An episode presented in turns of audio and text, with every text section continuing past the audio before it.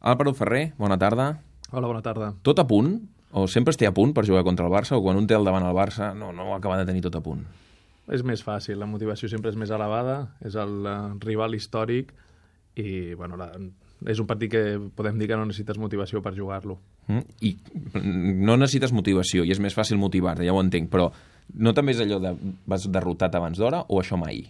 Va, això mai. Jo crec que això és un, un dels errors i un dels motius perquè el Barça porta 79 o 80 victòries consecutives a la Lliga. No sé ben bé exactament, eh? però mm -hmm. jo crec que un dels errors és eh, el pensar que està perdut. Eh, jo crec que són humans, poden tenir un mal dia i el que has d'estar és preparat perquè tinguin aquest mal dia i puguis eh, fer una sorpresa. Si, si ja comences que, vas, que, que, que perds, perdràs de 20 Eh? En això teniu un avantatge, els que de petits heu jugat aquests derbis, en què aquesta rivalitat Granollers-Barça i tot plegat, de dir que el Barça no el veieu tant ni anava... Suposo que un jugador que els veu en la llunyania els té una mica més idealitzat. En canvi, vosaltres, clar, Granollers-Barça s'ha jugat... Tu deus haver jugat des de petitet. Sí, des de ben Uns jove. Quants. Sí, sí, I per tant, això, vegades. I això no sé si se'ls hi té més ganes. Passa igual que en el bàsquet, no? que sembla que la penya li té menys respecte, entre cometes, al Barça per lo mateix, no? una mica, o l'Espanyol en futbol. És, eh, és el derbi, no?, a nivell eh, de país, és, és el derbi. Aleshores, eh, nosaltres, eh, com bé has dit, a categories inferiors potser la distància no és econòmica, aleshores eh, jo sempre en categories inferiors he guanyat el Barça. Mm, no m'han guanyat mai, entre cometes, per dir-ho. Aleshores, que pot ser, un, pot ser un dels motius, també, però, bueno, jo crec que al final el que et dona és l'experiència. Quan tens la sort de jugar en equips més competitius, aprens a afrontar doncs, eh, els partits només pensar en victòria i treballar sempre, tot i la teva inferioritat tàctica, tècnica, física, doncs buscar els recursos per poder guanyar. Tenir al costat un club com el Barça fa que el que està fent el Granollers, que té un mèrit brutal, moltes vegades, i aquí poso jo mateix eh, l'autocrítica, no, li donem, no li donem la importància que té. El Granollers està fent una temporada, encara més, uns anys, els últims anys, modèlics. El problema és que com que al costat hi ha un club que guanya 80 partits, sembla que no, hi ha el Granollers que també ha guanyat, però no, però clar, té molt mèrit. Si no, estic, si no hi hagués aquest equip perfecte entre comptes que és el Barça, al Granollers li donaria moltes més bola. Jo et faré una crítica, eh? No, endavant. Jo no crec que sigui un tema del Barça d'handbol. És un tema general de que aquí només parlem de futbol, l'esport només existeix al futbol, als diaris només hi ha futbol, del que es parla del 95% és futbol. Aleshores, el, els esports eh, minoritaris ens veiem una mica exclosos. Què passa? El Barça és qui sobresurt, del Barça sí que es parla, però de Granollers és més complicat. I jo crec que aquí hi ha un, una part vostra no, que, és, eh, que és molt important. El reconèixer un campió del món és eh, tant de futbol com d'handbol, com de gimnàstica, com de, com de ciclisme, com de natació. I crec que aquí podríem fer una miqueta més de, de reconeixement perquè els clubs es sentirien molt més eh, atesos. Està clar que el que ven més és el que, del que s'ha de parlar, no? Però sento fer la crítica, però no, crec no, no. que és la meva opinió. Eh? Eh, T'accepto la crítica i en una bona part, en una bona part crec que tens raó. Després també entraríem en això de la llei de mercat que dèiem, que al final també ens demanen uns resultats, unes audiències i tot plegat, i, i estem molt lligats a això. Tot i que ho intentem trencar, eh? i ara mateix ja tenim aquí assegut, intentem donar bola a tots els esports, però també assumeixo que, que no ho fem del tot. Per què està fent el Granollers tan bé les coses? Aneu tercers a la Lliga, esteu també competint la Iaquefe, eh, heu guanyat este cap de setmana eh, al líder del vostre grup. Eh, què és el que està funcionant tan bé en el vostre equip?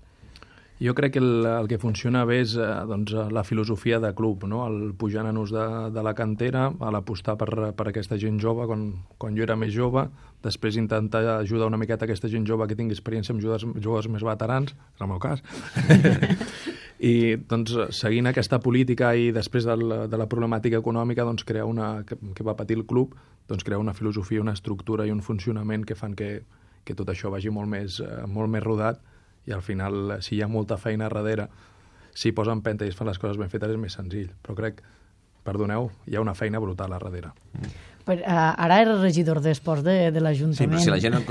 No, L'Àlvaro té, té un discurs, no és aquell típic esportista, no, estem parlant d'un polític. de carrer, eh? I, regidor d'esports de l'Ajuntament sí. de Granollers. Bueno, jo tinc la sort que, les, que la regidoria d'esports potser és la menys política de totes les regidories, perquè jo de política, no, la veritat que no en sé gaire i no hi entenc. Em faig perquè el meu càrrec eh, mm. em fa que n'en faci, no?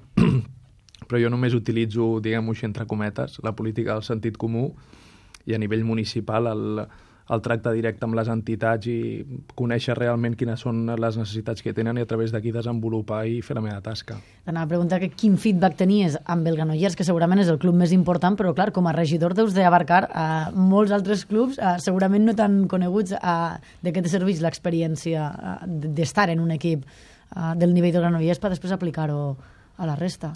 Jo al final a casa meva faig les coses com, com l'experiència que tinc. Jo visc com un equip, a la meva família tots tenim els nostres rols, el nostre lema és We Make a Great Team, i a través d'aquí és com, com vivim, no? Ens, eh... Aquest és el lema que tens a la família? Sí, nosaltres tenim un quadre quan entres al menjador que posa We, great, we, we Make a Great Team, -hmm. tenim les mans, bueno... Eh, eh, aleshores, jo al final el que intento és aquesta experiència que he tingut a nivell esportiu, una miqueta el coneixement de, de, de, de com funcionen eh, sobretot les entitats petites, doncs a través d'aquí tenir molt tracte. Jo crec que el, el bo que té una, ser política a Granollers és que tens les entitats molt a prop i tens, eh, tenim ara mateix actives 71. Mm. És una bogeria. Tenim més de 5 o 6 que en tenen més de 500 nanos. És, eh... O sigui, estem parlant d'una ciutat de 60.000 habitants que és molt, molt, molt potent, una activitat, una salut esportiva brutal. I bueno, el que, el que intento és això, parlar, conèixer i després a través d'aquí decidir. El president del club que vagi en compte si t'ha de renovar o no, perquè depèn de com et tracti. depèn de com tracti l'Àlvaro Ferrer jugador, l'Àlvaro Ferrer regidor, no o no? No, nosaltres, eh, sobretot a nivell d'instal·lacions i, de, de subvencions, diguem-ho així, hi ha un criteri molt objectiu eh, a través del qual adjudiquem les, les subvencions. Aleshores, crec que per aquí no pateixen gaire. I també et puc dir que des de que sóc regidor potser el balonmano eh, manté més la distància, imagino, per, per, per no crear o generar possibles conflictes. Però, mm. bueno, crec que intento fer una gestió molt neta i es poso sempre a, a tothom que em pregunta o que em qüestiona, de, de seguida dono, intento donar resposta. Mm -hmm. Demà partit d'anada, quarts de final de la Copa, eh, tornant una mica al, al tema esportiu. Eh, s'afronta com un partit a intentar guanyar-lo, s'afronta pensant en eliminatòria, més val no pensar que hi ha una tornada, sinó afrontar el partit de casa, com, com, com s'enfronta una eliminatòria així? Una mica de tot, però jo sóc del pare que l'hem d'afrontar com un partit uh, únic. Eh, ara mateix jugant dimecres dissabte una plantilla curta com la nostra pateix molt i tot el que sigui pensar una miqueta més enllà pot ser un error, no? Aleshores és, eh, plantegem com a partit únic, sortim a guanyar, o sigui, clarament, Sabem que el nostre percentatge és eh, molt més petit i reduït, però anirem a guanyar el partit. I bueno, a través d'aquí veurem aviam eh, si fem nosaltres bon, eh, bon partit o, o no i si ells tenen aquest dia dolent perquè nosaltres guanyem. I, i quan jugues contra el Barça o contra un equip així, eh, fas més tu el teu joc o realment adaptes a, al del rival, tenint en compte el potencial que té l'equip que tens al davant? Nosaltres sempre estudiem l'equip contrari, però les nostres solucions van dins de la nostra forma de jugar. O sigui, no intentem, eh, el Carlos eh, i, i l'Antonio, els entrenadors, mm. intenten donar una solució tàctica general, un sistema general que no t'hagi de fer canviar la teva forma de jugar. Però sempre modifiques detalls, busques coses, veus errors, no? estudies els, els rols que, que repeteixen no? i, bueno, i a través d'aquí intentem buscar una, una tàctica per, per intentar guanyar. Mm. Demà serà el dia que es tanqui la ratxa del Barça? Espero que sí. Jo espero que sí. Ho intentarem. No com t'he dit, aquí hi ha, eh, hi ha molts factors, no? Ells també també juguen i és una realitat que és un autèntic equipàs. Mm. Aleshores, lluitarem a tope. Doncs demà estarem pendents d'aquest partit d'anada dels quarts de final de la Copa, un derbi a Granollers entre el Granollers i el Barça. N'hem parlat amb l'Àlvaro Ferrer. Moltes gràcies per acompanyar-nos, que hi hagi sort, bona tarda. Gràcies a vosaltres, un plaer. Adéu.